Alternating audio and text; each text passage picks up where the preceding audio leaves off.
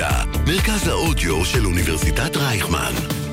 כל האוניברסיטה אודיוורסיטי. 86 ימים לבחירות. בישראל יש שלוש עונות, קיץ, בחירות ומלחמה, כך כתבה הבוקר נועה לנדאו. אבל נראה שעכשיו שלוש העונות האלה מתרחשות להן יחדיו. קיץ, בחירות באופק ומלחמה בעזה. בעזרת פרופסור הירשברגר ואנוכי, ננסה להבין כיצד המלחמה משפיעה על הפוליטיקה, וכיצד הפוליטיקה משפיעה על המלחמה, מה עושות לנו האזעקות, מה עושים לנו החיסולים, המתח, ואפילו נעז לשאול האם יכול להיות פתרון אחר למצב. לבסוף ניגע קצת בתשעה באב שמצוין היום. אנחנו קוראים למאזינים שלנו בלייב ברדיו להקפיד על הוראות פיקוד העורף ולהיכנס למרחבים מוגנים במידה ותישמע אזעקה במהלך השידור. החמוצים שוב בממ"ד, מתחילים ממש עכשיו. החמוצים, בפעם החמישית. המערכת הפוליטית על ספת הפסיכולוג, עם הפרופסור בועז בן דוד והפרופסור גלעד הירשברגר. היי גלעד. שלום בועז ושלום למאזינים. שלום לכולם, כן, אנחנו, היו לנו המון תוכניות מעניינות לדבר על דברים מעניינים השבוע, אבל אנחנו... המציאות טרפה את הקלפים. כן, כרגיל, כרגיל, ושוב אנחנו חמוצים בממ"ד, כבר היינו פעם חמוצים בממ"ד. היינו זה- בממ"ד, היינו כן. בסגר, היינו בכל מיני מקומות. כן, אני, אני רוצה להתחיל בכמה שאלות כלליות אליך גלעד, ואז ננסה לאט לאט להבין ונזרום עם הזמן. לכאורה, כאילו, בוא, בוא, בוא, בוא נתחיל ממש בהתחלה. מה עושה לנו המצב הזה? הפחד, הידיעה שאולי כל רגע תהיה אזעקה, הילדים שהם מפחדים, מה זה עושה לנו? אוקיי, אה, התיאוריה הפסיכולוגית הקלאסית מדברת על זה שכל סוג של איום, ובמיוחד איום מהסוג הזה, גורם למה שנקרא סחף שמרני, שיש לו כמה מרכיבים. המרכיב הראשון הוא שאנחנו מתמקדים מאוד בכאן ועכשיו, זאת אומרת, הדברים המיידיים מול האף שלנו הם הדברים שחשובים, ומה שחשוב לנו ברגע הנתון העכשווי הזה, זה שאנחנו נהיה בטוחים, שהילדים שלנו יהיו בטוחים. הערבים תוקפים אותנו, זה אומר שצריך אה, אה, מדיניות יותר תוקפנית ויותר אה, ימנית כלפי הערבים. זאת אומרת, אם עכשיו אני אה, הולך בג'ונגל ומתקרב אליי אריה, אני לא מתחיל לחשוב על איך לעשות מלכודת מתוחכמת, אני חושב על איך להרביץ לו ולברוח. משהו כזה, כן? זאת אומרת שאנחנו, אפשר אפילו לתאר את זה בצורה כזאת. האדם הוא יצור אה, מאוד מתוחכם, שיש לו יכולת, בניגוד לחיות אחרות, גם לראות את המציאות העכשווית, אבל גם לתכנן הרבה קדימה. כן. כן? ו- וכאן אה, באנגלית יש אה, הבחנה בין fear ו-anxiety. אוקיי. כן? בין פחד לבין חרדה. אוקיי. שפחד זה הדבר המיידי שקורה כרגע, שזה גם אה, כלב, חתול, אה, צבי, אה, כן? כולם מרגישים את הרגש הבסיסי המיידי הזה שיש איום קונקרטי עלינו. כן. חרדה זה דבר שהוא קצת יותר ארוך טווח, ונובע מהיכולת שלנו גם לצפות את פני העתיד, גם לחשוב קדימה על מה הולך להתרחש. וההבחנה הזאת היא מאוד חשובה כשמדברים על התגובה שלנו לאיום. כי התגובה לאיום קונקרטי, יש בה מרכיב אחד של בוא, כרגע אני רוצה פתרון לבעיה שלי. כן. אני גר בעוטף עזה, אני רוצה שיפסיקו לירות עליי. כן. זה תגובה אה, בסיסית של פחד. מהמם. אבל התגובה היותר ארוכת טווח יכולה לגרום לנו לתחכם קצת את התגובה שלנו. זאת אומרת, לחשוב, אוקיי, רגע, למה זה קורה בכלל? ולמה כל הסבבים האלה מובילים תמיד לסבב נוסף? כן, זאת אומרת, אנחנו לא נולדנו אתמול, אנחנו כבר היינו בסיפור הזה. אנחנו גם יודעים, זה אחד הדברים המדהימים בסבבים החוזרים ונשנים. שזה קצת כמו טרגדיה יוונית, אנחנו יודעים בדיוק את אנחנו המבנה יודעים של איך זה העלילה. מתחיל, אנחנו יודעים איך אנחנו יקרה, יודעים אנחנו יודעים איך זה בדיוק יסתיים. בדיוק איך זה הולך לקרות. אנחנו יודעים בדיוק, המבנה כן של העלילה. גם התקלה היא חלק ממבנה העלילה. אוקיי. אנחנו יודעים בדיוק איך זה הולך להיות. מה, ש, מה שהולך לקרות, זה לא משנה בכלל איזה פיתולים יהיו בעלילה הזאת, המבנה הוא אותו מבנה. זה יסתיים בזה, אש. זה יסתיים בזה שלא השגנו שום דבר, וגם הם לא השיג- השיגו שום דבר, וגם אם קצת נפגע ביכולות שלהם, הם ישקמו את היכולות, ואנחנו ניפגש שוב בסבב הבא. אני חייב רגע נכון? לעצור אין, אותך. אין, מישהו, אין מישהו שיכול להתכחש בכלל לעובדה הזאת. אני, אני אעצור אותך עם שני דוגמאות. דוגמה ראשונה שמחזקת את מה שאתה אומר, היה היום קריקטורה מעולה בעיתון, שזה בהארץ, שבאה ומראה, כתוב המחליף של, אני כבר לא זוכר את מי חיסלנו היום את שמו, המחליף של, ואז רואים אותו אומר, אני החלטתי על מדיניות חדשה לג'יהאד. אנחנו נגד קשיות, כי קשיות זה רע לאיכות הסביבה. כן, ברור שהמחליף שלו לא הולך להיות פתאום אה, כן. צמחוני וטבעוני. אז- אנחנו אז- שוכחים את השמות, הם גם נשמעים די דומה. אנחנו ב... אני חושב שזה כן. היה ב-2002 שחיסלנו את הג'אברי הראשון, ועכשיו שחיסלנו עוד אחד, אנחנו כבר לא זוכרים איזה ג'אברי הוא מי, אבל אה, מה שברור זה שלכל האנשים יש מחליפים, והמחליפים האלה, לא יש פחות. אפילו, יש אפילו דבר נוסף במתמטיקה של החיסולים, מהמם, יש דבר אה, מאוד מעניין. אם יש לך עשרה טרוריסטים והרגת שתיים, מהמם. שניים, אה, אתה לא נשאר עם שמונה, כפי שהמתמטיקה הפשוטה אה, מלמדת אותנו, אלא יש לך דווקא 12 טרוריסטים. כי כל סבב כזה כן, מגביר מחזק. את המוטיבציה ומגביר את ה... אז בקיצור, אנחנו יודעים לאן זה הולך. אני- אנחנו יודעים, אנחנו יודעים, וכאן, וכאן אני רוצה... רגע, רגע, לא, לא, אני, אני חייב לעצור אותך שנייה אחת. אנחנו יודעים לאן זה הולך, אבל יש עוד משהו אחד. אני אצטט אותך, אתה אומר את זה לא פעם. אתה יודע לאן אתה נכנס, אבל טיל טועה שהרג, שהגיע לבניין שבו היו מיליון ילדים וצילמו את זה. או טיל טועה שלהם, שלא הצלחנו לעצור אותו ופגע חלילה בבית. אה, או, או, או פתאום... זה כבר, זה כבר קרה אתמול. ו- ויש טיל התפוצצות טועה הרבה יותר שלהם, גדולה. טיל טועה שלהם הרג כן. חמישה ילדים כן, אתמול. כן, אבל, אבל בגלל שזה, אני רציתי גם על זה לדבר איתך על, אתה מקדים אותי, אבל אוקיי, בוא, בוא נמשיך. אוקיי, אז כאן אני רוצה לקחת את התיאוריה הקלאסית הזאת שאומרת שאיום גורם לסחף שמרני, סחף ימני, ולהראות למה הוא לא לגמרי נכון. אוקיי. הוא נכון במידה מסוימת והוא נכון לאנשים מסוימים, מהמם. אבל האיום הזה שנקרא ג'יהאד איסלאמי או חמאס או כל מה שקורה בינינו לבין הפלסטינים, טוב. יש לו מרכיבים רבים, יש לו יותר ממרכיב אחד.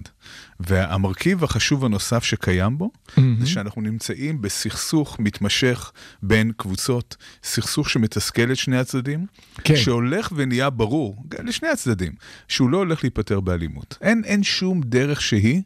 שישראל כל פעם אומרים בואו עכשיו נכסח אותם. זה לא יקרה. אנחנו לא יכולים לכסח אותם, אנחנו לא יכולים לכסח שני מיליון אנשים בעזה. אנחנו לא נפתור את הסכסוך הזה באלימות, זה יצטרך להגיע במוקדם, במאוחר, לאיזשהו הסדר. אני לא אומר שלום, שלום זו מילה אז- גדולה, עזוב אותך. אבל לאיזשהו הסדר. או, עכשיו אני רוצה לדבר איתך על הנקודה הזאת. אני מאזין בשום, בש- בשום, שום קשב? שום קשב? לא יודע. אה, לחדשות ומה שקורה מסביב. ניסיתי לראות מי מעז להגיד שאולי יש פתרון אחר מלבד אה, אה, לבוא ולתקוף את עזה. אה, פתרון מדיני, הקלות, לא יודע, משהו, איזשהו פתרון. והיחידים שאומרים את זה היום, וזה די עצוב לי לומר, זה או הפרשן, הפרשן הערבי, הפרשן הערבי התורן בערוץ 12, מתחלף מה שמו, לא חשוב, או אה, חברי מרץ, מפלגת העבודה לא אומרת על זה. אף אחד, אה, אף אחד לא כן, אומר אבל את זה. כאן, כאן אני רוצה לעשות הבחנה בין אנשים שונים שאומרים את זה.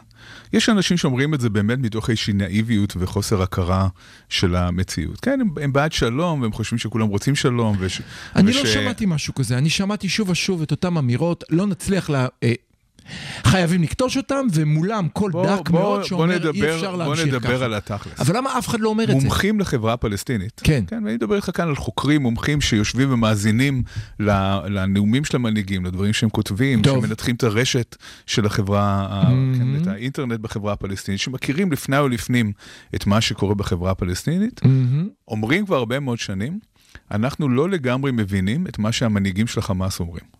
לא התקשורת הישראלית ולא הציבור הישראלי. אוקיי, המנהיגים של החמאס, סינואר בראשם, כן. מרמזים כבר הרבה מאוד זמן על זה שיש עם מי לדבר.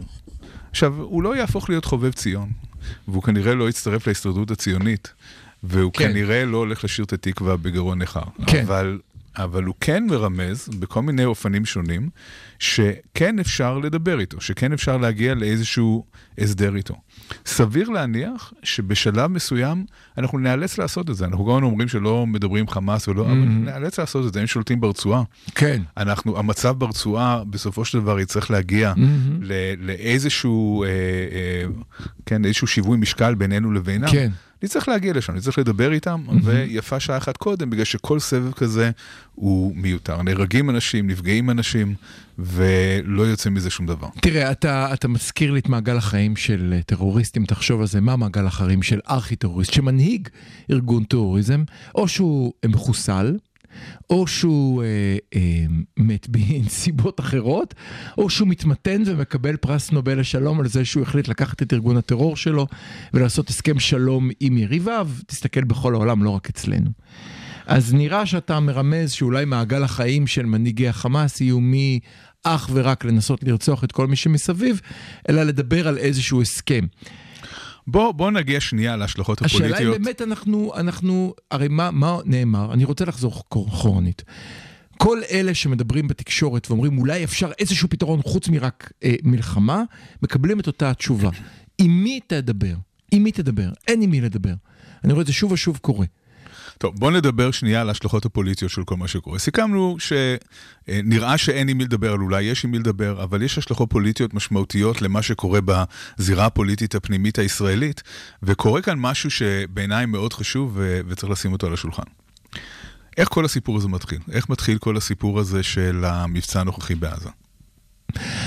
אתה מדבר על, ה, על המעצר נכון, יש שנעשה. מעצר בג'נין. Mhm. קודם כל זו פעילות יזומה ישראלית. יש כאן כן. פעילות יזומה ישראלית, שני באוגוסט מעצר בג'נין, ואחר כך יש חיסול של אחד מבכירי הג'יהאד. מהמם. ואז מה שקורה זה שיש איום של חוליות נ"ט סביב הרצועה, וסוגרים צירים, סוגרים קו רכבת. כן. אה, משהו כמו 100 אלף ישראלים, אה, יש הגבלה מאוד משמעותית של התנועה שלהם. מהמם. ואז מתחיל עליהום על לפיד. כן. נכון? מתחילים להגיד, הוא חלש, ותראו, אה, החמאס יכולים לעצור את התנועה בארץ, וכן, Mhm. כל, ה, כל הימין אה, בעצם אה, משתולל על הדבר הזה. כן. בנוסף, וכאן- דרך אגב, להזכירך, הוא יצא לחופשה, והייתה ביקורת גם נכון, על נכון, זה. נכון, והוא יצא כן. גם לחופשה. מהמם. אה, ואז בעצם, באותה נקודת זמן אפשר לחשוב מה ישראל יכולה לעשות במצב כזה. כן, מה. הדבר הרציונלי לעשות? אפשרות אחת, זה להגיד, אנחנו לא ניתן לחמאס לאיים עלינו, אנחנו נשאיר את הצירים פתוחים, ונראה אותם פוגעים בנו. ואז זה מצד אחד הפגנת כוח, אבל מצד שני אתה מסכן את האוכלוסייה שלך, כי מספיק שטיל נ"ט אחד יפגע באוטובוס, ברכבת, ב- כן, שזה זה יכול להיות אסון נורא. דבר, אפשרות שנייה, זה להגיד, לא ניתן שיאיימו עלינו ולהיכנס בעזה, כמו שאנחנו עושים uh, כרגע. מהמם. אפשרות שלישית הייתה לחכות. הלחכות הזה גבה איזשהו מחיר פוליטי זמני אולי, כן? באותם כמה ימים היה נראה שבאמת לפיד חלש, והתחילו להזכיר שוב שהוא אה, כתב במחנה וכל מיני דברים מהסוג הזה. אבל זה כנראה היה הדבר האחראי ביותר לעשות, והשאלה שאני שואל את עצמי זה האם אפילו אולי צריך היה לחכות עוד כמה ימים, ושאולי השעון הפוליטי המתקתק הוא זה שגרם לנו אה, לשבור את, ה, את תקופת ההמתנה הזאת, ולפגוע, אה, אה, ולהתחיל אה, להפציץ ברצועה. אה, יכול להיות גם, תראה, אני, אני חייב להתערב. ייתכן שגם יהיו נסיבות מבצעיות שאמרו בשעה הזאת ביום יכול הזה. להיות, כן, יכול- אנחנו אני לא יודעים. נכון, אנחנו לא יודעים. העובדה בכל ש- מקרה, העובדה שפגעו בבן אדם בכל שמסתתר. מקרה, זאת שעתו הגדולה של לפיד. כן, כן, כן, כן. כן. אם לפיד לא יכל לתכנן יותר טוב שתהיה לו טבילת אש כזאת, נכון. שהוא יצליח בה, שהוא יגלה מנהיגות אחראית, מהמם. שבאמת כל מה שקרה עד עכשיו קורה לפי הספר, קורה בצורה הרציונלית והנכונה ביותר אם, מבחינת אם ישראל. כל, כל זה נכון, אם בשבוע הבא אנחנו מנתחים את סיכום המבצע, אם המבצע נמשך ונמשך נכון, אני לא- ונמשך אני יכול להגיד. לך, היה רעיון אחד אה, בתקשורת של אה, מישהו בשדרות, שמאוד הצחיק אותי, שבעיניי, מבט יענה? עם הבת יענה, מהמם. בדיוק, כן? שאלו את אחד מתושבי אה, שדרות מה הוא חושב על העניין הזה, והוא אמר, לפיד, יש לו ביצים של בת יענה. עכשיו, בעיניי חשבתי, זה איזה מטאפורה מדהימה. כן. כי בת יענה, מה זה בת יענה? זאת החיה שמטמינה את ראשה בחול. זאת חיה מהמציאות. בדרך כלל, בדרך כלל, זה לא כן. מחמאה להגיד דבר כזה. כן, זה יצא מעניין. עכשיו, למה הוא אמר ביצים של בת יענה? כי, בכל זאת הוא כזה שמאל מרכז. ושמאל מרכז הוא בת יענה במהותו, כן? אבל זה שמאל מרכז שגידל ביצים. כן, הוא פתאום שם לב שהבת יענה הזאת היא לא בת יענה סתם. היא, היא בת יענה עם ביצים. אה, לא משנה שלבת יענה אין באמת זהו, אה, רציתי להגיד חיצוניות. ש- זה, זה, אז זה, זה לא שאלה, זה לא שאלה זואולוגית, זה לא שאלה. זואולוגית, זו שאלה של תפיסה. ויש כאן איזשהו שינוי תפיסתי שהוא משמעותי. אבל יש כאן גם עוד משהו. אה, יש לנו כאן מנהיג שכמו שאתה אמרת, בחר בלהמתין לשלם מחיר בזמן הזה בשביל להרוויח משהו בזמן ארוך טווח. כן. שזה גם שינוי. ההמתנה לא יכולה לא להיות מורטת עצבים, במיוחד ב, ב, בתקופה שלפני בחירות, כי ברור שבהמתנה הזאת, כל יום יש ירידה במניות שלו. יש ירידה, כן, יש ירידה מחיר. במניות. אנחנו לא, לא. ראינו זה בסקרים ושום דבר כזה, אבל הורגש שיש מין כן. תחושה כזאת שתראו, כן. הוא מתקפל, הוא חלש, הוא לא מסוגל, אבל הנה, הוא המתין את מה שהוא המתין, ואחר כך שוב, צריך לומר דבר נוסף על העניין הזה.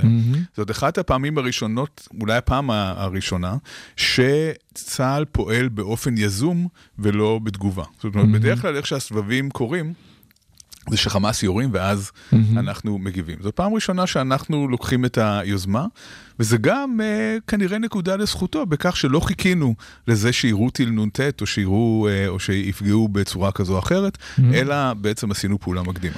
אה, פרופסור גלעד הירשברגר, שאלה לי אליך.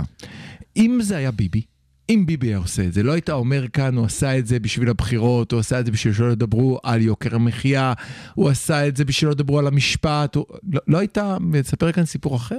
כן, אז קודם כל זאת שאלה מצוינת, אה, והיא שאלה לגיטימית לגמרי, ואני חושב שאי אפשר להתעלם מההשפעה של הבחירות על כל מה שקורה כאן.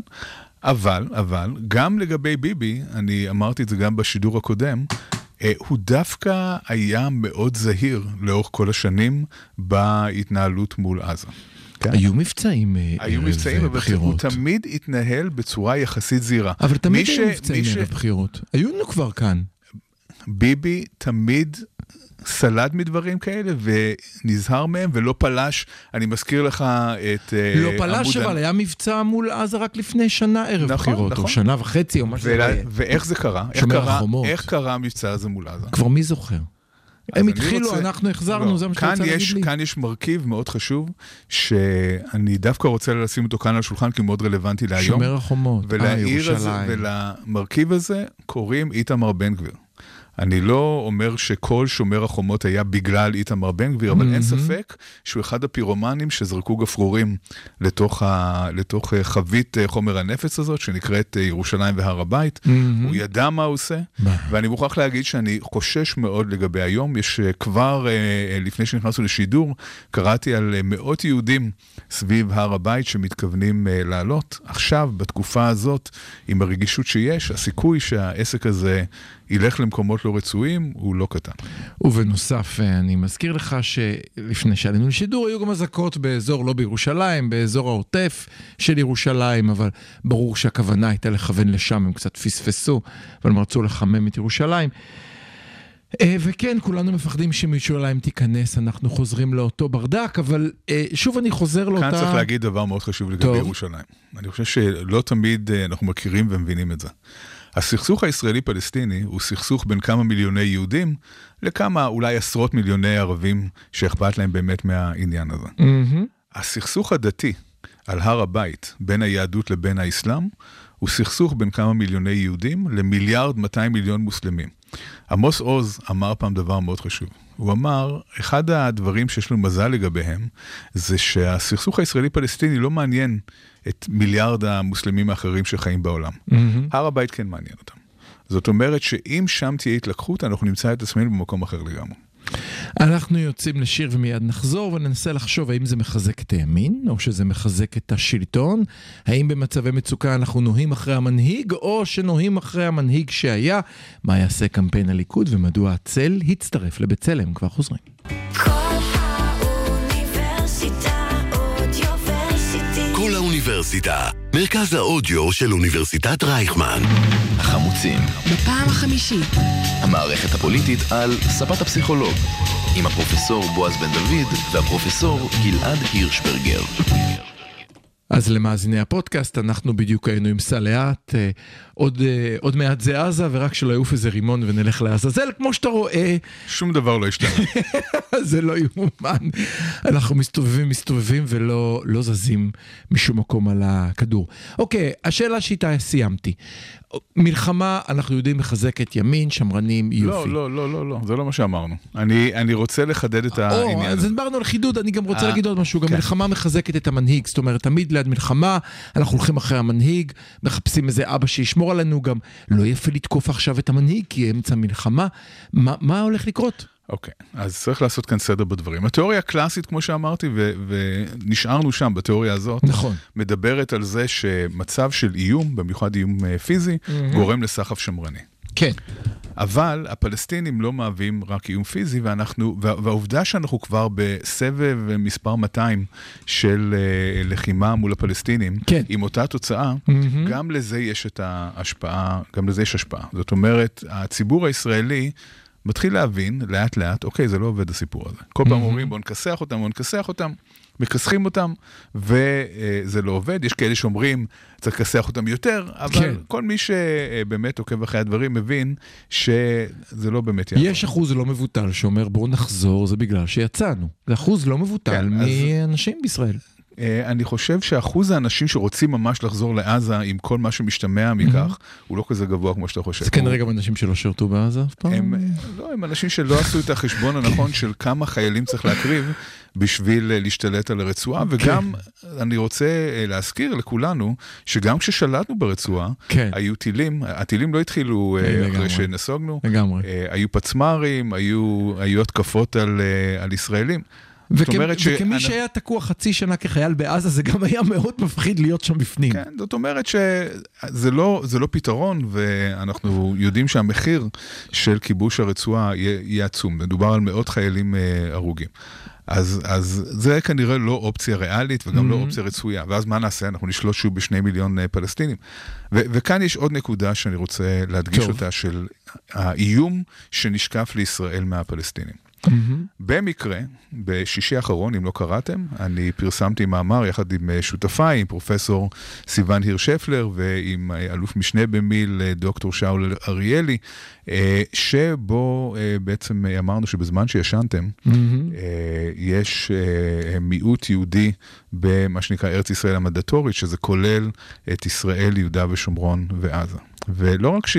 לא רק שהדגשנו את העניין הזה, אלא הראינו על סמך סקר דעת קהל שביצענו, שהציבור הישראלי עיוור לגמרי למציאות הזאת. זאת אומרת, הציבור הישראלי מצד אחד בעד פשרה עם הפלסטינים, רובו, מעל 60% בעד פשרה עם הפלסטינים. מצד שני, הוא מתנגד לחלוטין למדינה אחת, בין אם היא מדינה דמוקרטית ובין אם היא מדינת אפרטהייד, הרוב מתנגד למדינה אחת, אבל הוא גם לגמרי עיוור לכך שאנחנו מתקרבים למדינה אחת. זאת אומרת שאם אנחנו ממשיכים במצב הקיים של המשך השליטה בפלסטינים, כן. אנחנו נגיע בסופו של דבר למציאות שבה כל השטח הזה אה, יהווה אה, יחידה אה, אחת, ויש כל מיני השלכות שיכולות לנבוע מכך שאנחנו נשלוט ביותר פלסטינים מיהודים. אני רוצה להגיד משהו אחד על המחקרים שלך, ואני גם הייתי באיזה כנס שארגנתם.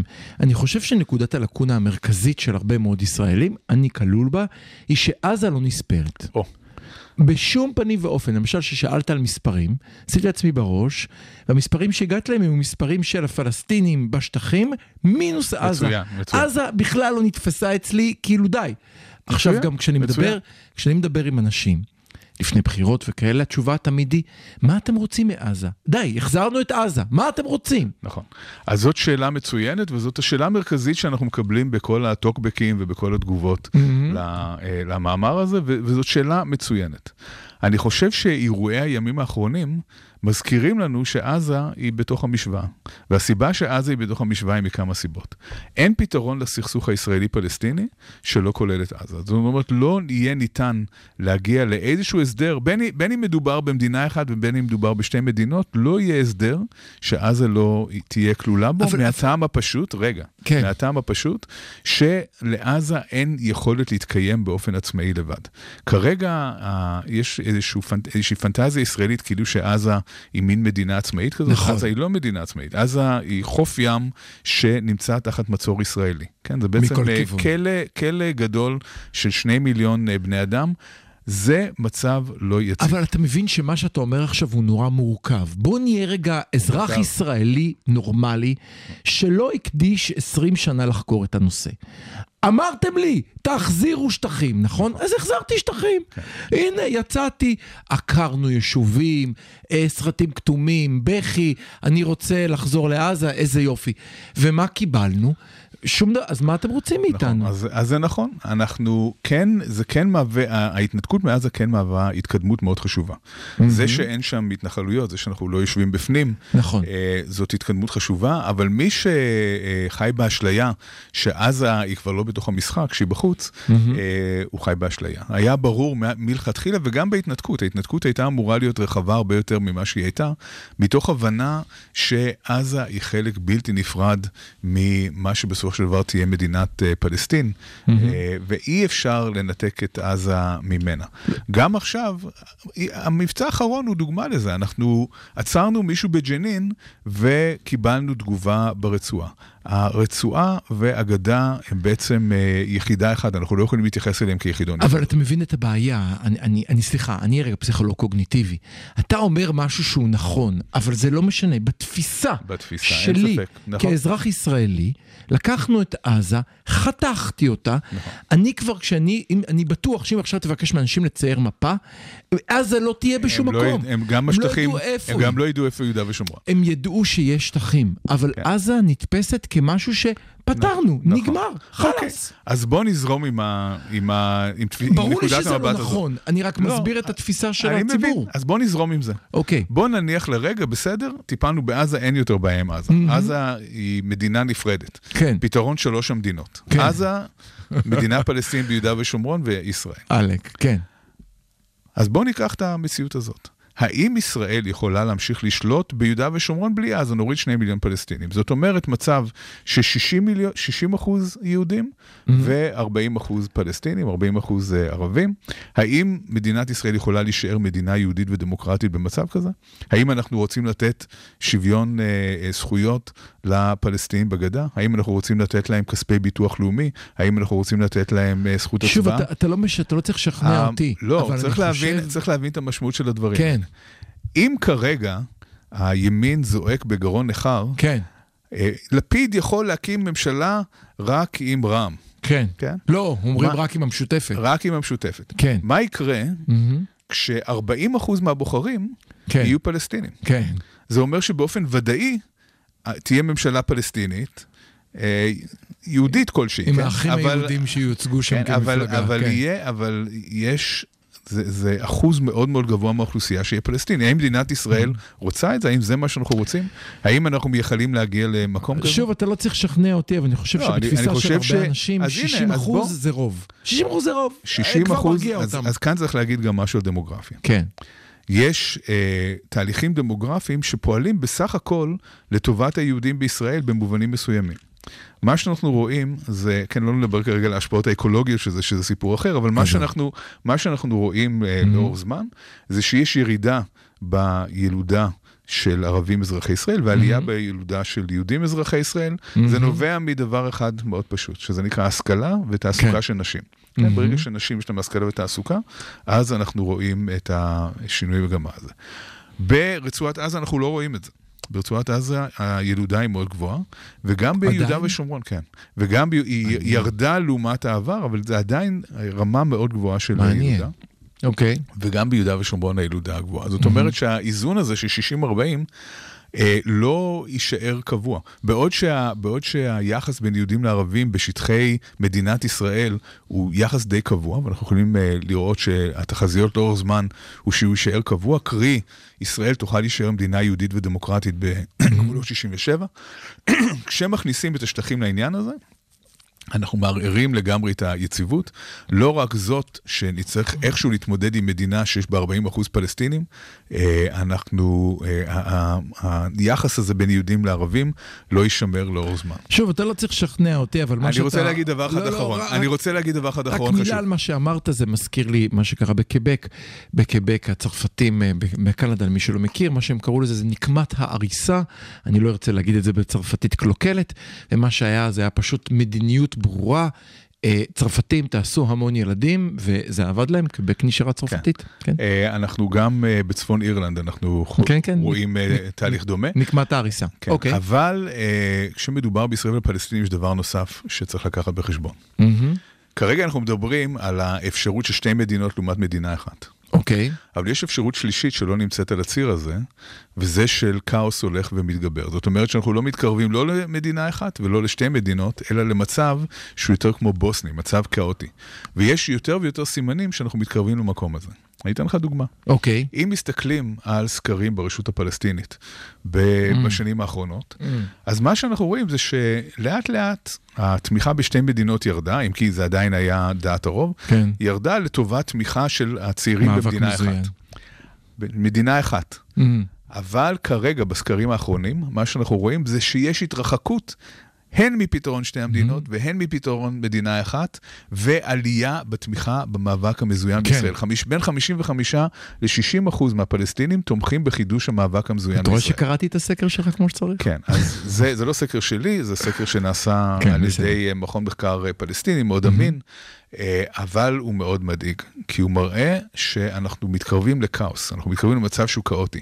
מדינה אחת שיהיה בה 60 אחוז יהודים ו-40 אחוז פלסטינים, אפילו אם נצליח לשכוח מזה שיש רצועת עזה, ולא נצליח, אבל נניח שנצליח אה, לשכוח מזה, גם מצב כזה הוא מצב בלתי אפשרי לחלוטין. אז בואו נחזור רגע, אה, ברשותך, אחרי שדיברנו גבוהה, אני רוצה לחזור אל השכן של סילמן ואל הביצה הפוליטית שנמצאת כאן היום. אם הדברים כל כך ברורים, ואני מתערב איתך שהדברים ברורים גם ללפיד. אני חושב שמה שאתה אומר עכשיו, אה, אני בטוח שלפיד ויועציו ואנשיו כאיש חוקר יודעים את זה, ואני גם מאמין שלא מעט אנשים בליכוד, בכירים בליכוד, יודעים את הדברים. יש לך הרבה מאוד אמונה, אני לגמרי לא בטוח שאנשים יודעים את זה. אתה חושב? כן. לא יודע. אני, אני חושב כמה דברים. קודם כל, אה, ו- וכאן זה מחזיר אותנו לתגובה לאיום. אתה חושב אתה שאלת אותי בהתחלה לא לתגובות לאיום. יודעים, סליחה, רגע, שנייה. אתה חושב שאף אחד מהמנהיגים שנמצאים עכשיו באמצע, אוקיי, עזוב את הצד, לא רואה שאנחנו הולכים ומתקרבים לנקודה של אל-חזור של מלחמת הכל בכל? אז אוקיי, בוא אני אספר לך סיפור כדי לענות לך על השאלה אין. בעיה.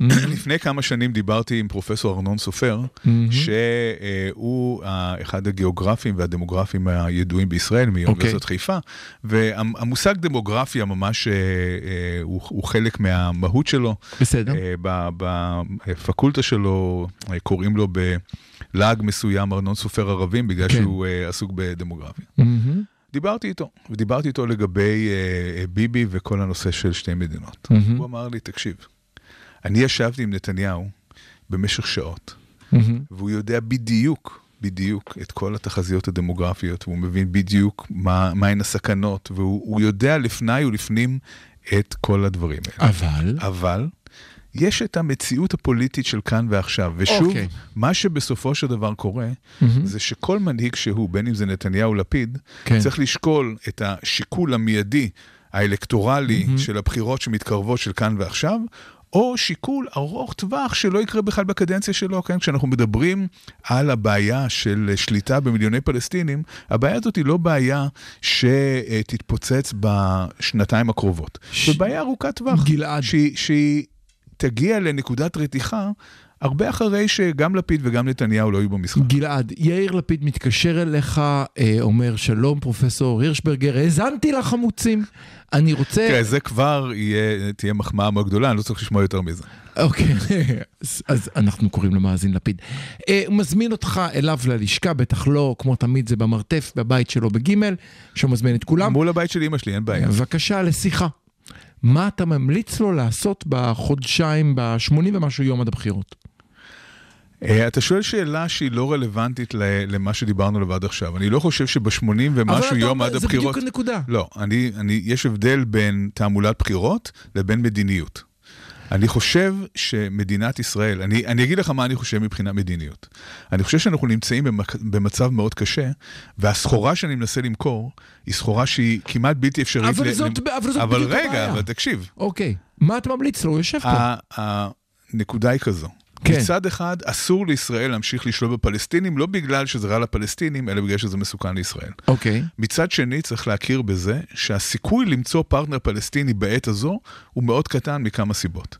א', אה, אנחנו יודעים שאבו מאזן כבר אדם לא צעיר, ואני לא יודע עוד כמה שנים יש לו, אבל הוא, גם אם הוא היה בעבר פרטנר, הוא כבר לא שם. הוא, לא- הוא גם אה, שולט על, אה, אבל אני יודע לאן אתה ישות הולך להגיע פלסטינית, משם. על ישות פלסטינית שהיא בעצם הפכה להיות חסרת כוח. היא הפכה להיות מין צד"ל בסוף ימיו, במקרה הטוב. אתה הולך להגיד בוא אומרת- נצא בלי הסכם. זאת אומרת שמה שישראל צריכה לעשות, ומי שמדבר על זה דווקא זה מישהו מהמפלגה שלך, זה יאיר גולן. כן, יאיר גולן. צריך, צריך להתקדם לקראת היפרדות מדורגת מהפלסטינים, שאומרת את הדבר הבא, ואני, ואני כאן אה, הולך להתבסס על תוכנית סדורה שעבדו עליה במשך אה, יותר משנה, אה, 300 אה, ומשהו מפקדים בכירים בצה"ל, בארגון שנקרא מפקדים למען ביטחון ישראל, זה נקרא ביטחון תחילה.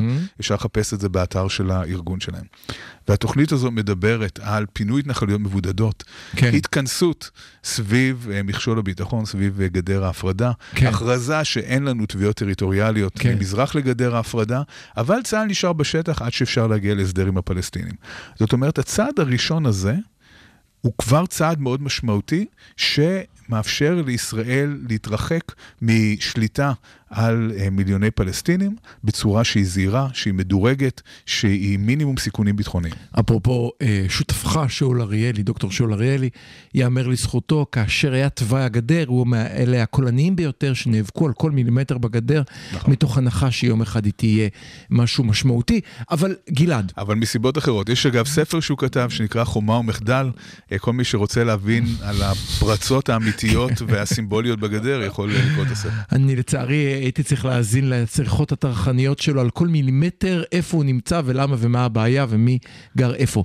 אבל רגע, גלעד, בדקה שיש לנו עד השיר, אתה נותן כאן תוכניות יפות, גדולות וטובות, אבל בסוף, היפרדות מהפלסטינים. רוב צריך ה- לנצח רוב- בחירות. האם רוב לפיד יכול הציבור- להגיד את זה? רוב הציבור, האם תקשיב, לפיד- תקשיב, לפיד יכול להגיד תקשיב, את זה? תקשיב. 60 ומשהו אחוז מהציבור Mm-hmm. תומכים בהיפרדות מהפלסטינים. אבל הרוב מאמינים שזה לא יכול לקרות בגלל שאין פרטנר בצד השני, והרוב מפחדים מההשלכות הביטחוניות.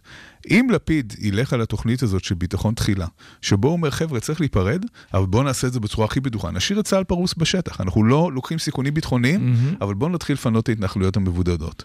בואו נכריז שהשטח הזה הוא לא שטח שלנו, שאנחנו לא רוצים אותו, יהיה לו תמיכה ציבורית. אתה חושב שאם לפיד יכריז את זה מחר, הוא עדיין נשאר מועמד לראשות ממשלה, וכאילו להמשיך את אה, קדנציה של ראשות אתה, ממשלה? אתה שוב מערבב. בין קמפיין בחירות אני מדבר על קמפיין בחירות. רגע, לא, אבל אני, אני אני בבחירות מדבר על עכשיו. הדבר המהותי. אני, יש עניין של קמפיין בחירות, ויש עניין של מדיניות של ממשלה. האם זה נכון לעשות בקמפיין עצמו? אני לא בטוח. או. אני, לא, אני לא חושב שזה לקחת סיכון מאוד גדול, בוא נגיד ככה, הייתי עושה כמה בדיקות לפני שהייתי מכניס את זה לקמפיין. ובגלל, אבל, אבל- ענית עכשיו לבעיה, אבל- ובגלל שיש לנו בחירות פה כל חצי שנה, אין אפשרות לאף מנהיג נכון, לפרוס נכון, תוכנית אני כזאת. מסכים. זה לא. בגלל שיש לנו בחירות כל חצי שנה, זה בגלל שהקדנציה של ממשלה היא כל כך קצרה, שהיא יכולה לטפל אך ורק בכאן ועכשיו, ולא לטפל באיומים ארוכי הטווח. ו- וזאת, אנחנו, ישראל משולה לספינה, לטיטניק, שעומדת להתנגש בקרחון, ומה שכרגע אנחנו עוסקים בו, זה בטיפול בשביעות הרצון של הנוסעים במחלקה הראשונה או השנייה, ואנחנו לא שמים לב לקרחון שהולך ומתקרב, ואף ממשלה לא יכולה לעשות את זה בדיוק בגלל מה שאמרת. אני חושב שיש כאן עוד שתי בעיות. בעיה מספר אחת, האם יש לנו כאן מנהיג שמסוגל לעשות משהו על הטיטניק ולהמר ולהסתכן, עיין ערך רבין, עיין ערך שרון אפילו, עיין ערך בגין, אנשים שעשו. והנקודה השלישית, ואני חושב שאתה אה, לא מדבר עליה, היא שהיום לא רק רבים על איך ייראה הקישוטים והבופה על הטיטניק, אלא על האם אה, יהיה התנהלות של, שכך שמישהו יוכל לאחוז בהגה, או שאנחנו מוותרים על ההגה לחלוטין, כי מוותרים על הדמוקרטיה, ואז האם בטוח יש מנהיג שנתנגש. בעל שיעור קומה שיהיה מסוגל באמת להוביל את ישראל לדרך חדשה? אה, זאת שאלה גדולה. כרגע אני לא רואה מישהו כזה באופק, אבל אולי, אולי לפיד, who knows.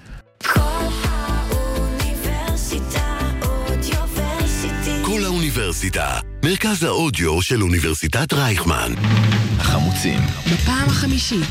המערכת הפוליטית על ספת הפסיכולוג, עם הפרופסור בועז בן דוד והפרופסור גלעד הירשברגר.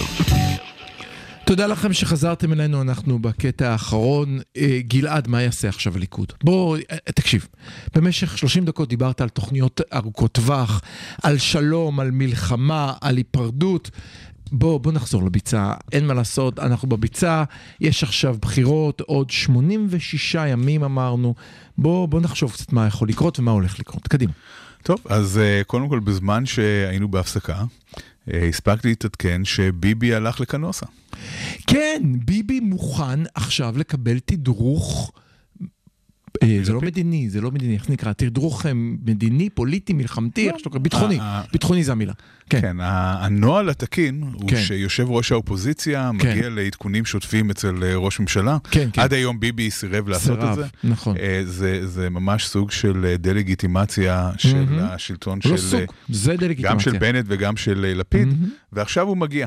כן. עכשיו הוא מגיע, הוא מבין שזה לא עובד לטובתו, מהמם. החרם הזה, וזה, וזה הישג משמעותי ללפיד. כן. זה הישג מאוד משמעותי שנתניהו מגיע אליו לתדרוך. אני בטוח שזה עושה אולקוס לא קטן לנתניהו, הסיפור הזה. מהמם. וזה עוד, אה, כן, אם מסתכלים רק על ההשפעה הפוליטית של הדברים, זה עוד הצלחה לא מבוטלת של לפיד. אוקיי. מה עושים הליכוד? הליכוד אה, נמצאים ב- הם צריכים עכשיו במצב... למחוק את כל הטוויטים מהשבוע, זה קצת בעיה. כן, יש להם אה, בעיה אחרי שהם הכריזו כמה שלפיד אה, רופס. חלש ולא יכול לעשות הם לא, כלום. הם לא מצליחים אה, למצוא באמת, וגם בהתנהלות שלו, זה מאוד. אה, מתסכל אותם. הדבר היחידי שבינתיים אני שומע ממנהיגי הליכוד, מהח"כים של הליכוד, זה הנה תראו איך אנחנו מגבים אתכם, בזמן שאתם לא גיביתם אותנו כשאנחנו יצאנו למלחמה בעזה. אה, כן, גם זה שמעתי ה- את זה עכשיו אה, מעמית סגל. כן. אה, בוא נקרא לאופוזיציה פעם ראשונה להיות אחראית, לא כמו, הפ- נו באמת. אה, ומצד שני יש כמה שאומרים אה, למה לא נכנסים בחמאס, ויש את כאלה שאומרים אה, כל מה שיש כאן זה סתם... תקיפה פוליטית לא הייתה צריכה להיות, כמו שאמרתי, לא יכולתי להתאפק. זה הצל, יוסי אליאסי שהצטרף לבצלם ואומר, Imagine there's no heaven, אל תתקפו את עזה, זה עוזר ללפיד. תראה, לפעמים אה, מה שלא לשמה בא לשמה, כן? אם, אם המטרה היא בסופו של דבר להגיע לאיזושהי הסדרה מול אה, עזה, אז, אה, אז הנה, אולי זאת השיטה, כן? כן. אנחנו גור- גורמים לכל הימנים לרצות פרחים בקנה וכולי. כן, אבל. כן, אז, אז הליכוד, למה הליכוד באמת במצוקה פה? מהמם. כי צריך להבין מניין מקור התמיכה בליכוד. אוקיי. רוב האנשים שמצביעים בליכוד, וכבר בעצם רמזנו על זה קודם, הם לא אנשים שהם אה, תומכי האידיאולוגיה הבסיסית של הליכוד. אלה לא אנשי ארץ ישראל השלמה ברובם. אלה לא אנשים שגדלו על... אה, הדר בית"רי. כן, אבל גם הח"כים של הליכוד מאוד רחוקים מההדר הבית"רי, יש לציין, אבל, אבל נניח שזה היה הבסיס של הליכוד. אלה אנשים שיש כמה סיבות שהם מצביעים לליכוד. למעשה האדם היחיד שהיה הדר בית"רי רץ אצל, אה, אה, איך הם נקראים? תקווה חדשה. נכון, נכון, כן. בהחלט, אין, אין ספק. גדעון סער הוא באמת ה, אולי ה- הדר האחרון מהבית"ריזם שנשאר. איש אה, ארץ ישראל השלמה? כן, אה, נכון. אה, אז מה בעצם, למה אנשים בעצם מצביעים לליכוד? אנשים מצביעים לליכוד מכמה סיבות, שהסיבה, אחת הסיבות העיקריות, לא הסיבה היחידה, אבל אחת הסיבות העיקריות, זה שהליכוד נתפס כמי ששומר על הביטחון של המדינה. זאת אומרת, הרבה אנשים יגידו, כן, אה, ביבי הוא ככה והוא ככה, ומשפטים, ועניין, אבל... כשזה מגיע לנושא של ביטחון, ביטחון. של לעמוד מול החמאס, של לעמוד מול איראן, של אה, להתמודד? להתמודד עם סבך האיומים ש- אה, סביב ישראל, אין כמו הליכוד. אבל מה הם יעשו עכשיו? רגע, חכה, זה עוד לא נגמר כל כך מהר, זה לא ששמטו את השטיח לגמרי מתחת לא לרגליים שלהם. שטיח, אבל אתה יודע, עברה שנה ש- וחצי, מה המדינה ש- לא נפלה, כן, לא, מה ש... שנה וחצי שהמדינה לא נפלה לא היה בעצם אתגר משמעותי הבנתי. להתמודד איתו. הפעולה בעזה, עד כמה שהסיפור הזה הוא קטן אם היא יחסית, תיגמר מהר וטוב היא, ובלי, כן? היא כן אה, מעלה את קרנו של לפיד כמי שיודע לנהל גם אה, מציאות ביטחונית אה, מורכבת, ולא להיות חלש ורופס, ולקחת יוזמה, ולקחת סיכונים. זאת אומרת, לפיד כאן אה, צובר נקודות על חשבון מה שתמיד היה הטריטוריה אה, כן. המוחלטת של הליכוד, כן? משהו שאף אחד בעצם אה, לא לקח אה, ממנו, והוא עושה את זה בלי גנץ, זאת אומרת, אם, אה, אם כחול לבן הישנים אה, באו ואמרו, תראו, אנחנו שלושה גנרלים ולפיד, ולכן יש לנו את למה האוטוריטה בלי גנץ? בנושאי... הוא כל הזמן מחובק עם גנץ עכשיו. כן, אבל עדיין, זה נכון, גנץ הוא שר ביטחון, אבל מי שזוכה בקרדיט על ה, מבחינה מנהיגותית הוא לפיד. גם לפיד וגם. הוא ראש הממשלה. לפיד הוא ראש הממשלה והוא זה שמנווט את אתה, הסיפור. אתה צודק שהוא ראש ממשלה ולא גנץ, אה, אה, אה, כתב במחנה שנהיה פתאום כן. איש ביטחון, אבל, אבל צריך להגיד שגנץ תראה, בכחול. לבן גנץ בכל המקורית, תמונה. לא, ברור, אין ספק. בכחול לבן המקורית זה היה שלושה גנרלים. כן, כן, כן, כן, ולפיד, כן. זאת אומרת, בעניינים ביטחוניים היה ברור שהוא לא הולך להתעסק, הוא לא כן. העמיד את עצמו. פתאום הוא מוצא את עצמו במצב שבו כן. הוא כן עוסק בנושאים אה, ביטחוניים, ועושה את זה בהצלחה, וזה מאיים על הליכוד, ללא ספק. יותר מזה, הוא גם אה, אה, טבע תבי- אה, אמירה ביטחונית, אם אתה זוכר בהתחלה, הוא אמר שאצלנו דין נצרים כדין תל אביב, אנחנו לא נמתין, אנחנו נתקוף, כולם אמרו לו כן, כן, כן, כן, כן, והנה הוא עשה את זה. נכון. זאת אומרת, הוא מצליח להראות שהוא Mhm. חזק לא רק בדיבורים, אלא גם במעשים, כן, כן. שהוא עושה את זה בצורה שקולה. אה, מצד אחד הוא גילה בינתיים, איפוק. בינתיים, בינתיים, נכון, בוא, נכון. בוא. אנחנו מדברים על בינתיים. יכול להיות ששבוע הבא אני צריך כן. לבוא למאזינים ולהגיד, תקשיבו, אה, תמחקו בבקשה את כל ההקלטה של... לא, ב- הכל חתום, אז אני אומר בינתיים, תלך. כרגע, כפי שהדברים נראים, הוא מנהל את הדברים בצורה מאוד שקולה. כן, מצד אחד הוא גילה איפוק ולא נכנס אה, מהר מדי לעימות עם עזה, מצד שני הוא גם לא אפשר למצב הזה להימשך יותר מדי, וכשהיה צריך הוא בהחלט אה, נקט בפעולות אה, אה, הנכונות. אני חייב לשאול אותך, אני מצטער. אתה יודע, אתה מדבר גבוהה, ואני בסוף אומר שמי שמשפיע זה השכן של סילמן, על האפשרות אי פעם לעשות איזשהו הסכם, כי אז ממשלה תיפול.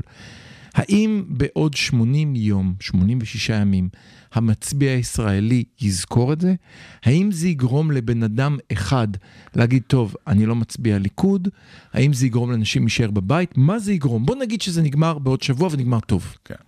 אה, תראה, מכיוון שיש הרבה זמן עד הבחירות, ומכיוון שבישראל המציאות היא מאוד דינמית ורוויה באירועים והפתעות, ההשפעה של אירוע כזה, ההשפעה של אירוע בודד כזה, לא תהיה השפעה מאוד גדולה, אלא אם כן האירוע הזה בעצם אה, מסמל משהו שאנחנו נמשיך לראות אותו לאורך הדרך. זאת אומרת, אם לפיד ימשיך ויגלה יכולת מנהיגותית, ימשיך לקבל החלטות בצורה נכונה, כן. ימשיך להראות שהוא מצד אחד לא פזיז, כן. אבל מצד שני גם לא מפחד להיכנס זה לעימותים יגרום שצריך. לאנשים לצאת ולהצביע או לא, או שזה יגרום לליכודניקים להישאר בבית? זה, תראה, אני לא צופה שזה יעשה מהפכה כזו גדולה. לא צריך מהפכה, צריך אבל- מנדט אחד שיזוז מצד לצד. נכון, זה יכול להשפיע ברמה כזאת, אבל קשה מאוד אה, לנבא דבר כזה מראש. בואו נמשיך לנקודה הבאה. ענבי זעם השאירה את הערבים בבית והשאירה את פרס אה, באופנהיימר אה, 16.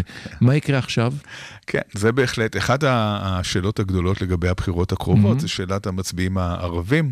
אה, כרגע זה לא נראה כל כך טוב, זאת אומרת, כרגע נראה שהמוטיבציה להצביע היא נמוכה באופן משמעותי מבחירות קודמות, וכמובן שזה קריטי לגמרי לכל מה שנקרא גוש המרכז-שמאל. זה קריטי לגמרי, וגם אני, אני מוכרח להגיד שרע"מ מול המשותפת הופך להיות אחד הדברים המרתקים ביותר שקורה עכשיו.